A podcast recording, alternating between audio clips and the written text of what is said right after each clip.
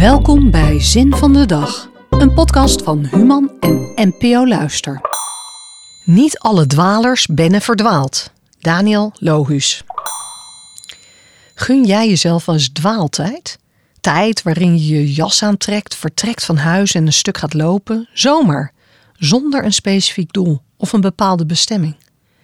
Tijd waarin je al dwalend om je heen kijkt, de seizoenen opmerkt en je pas als vanzelf vertraagt.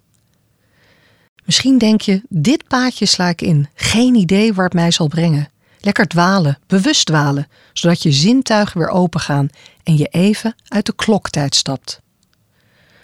Op het album Alleenig 4 zingt de Drentse Daniel Lohuis over de herfst.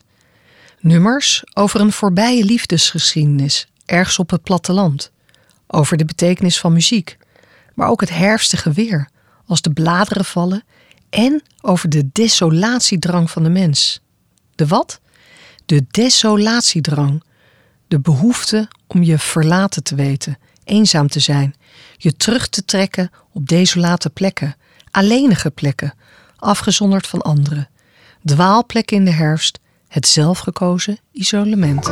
Niet alle dwalers ben verdwaald, nee niet alle dwalers ben verdwaald.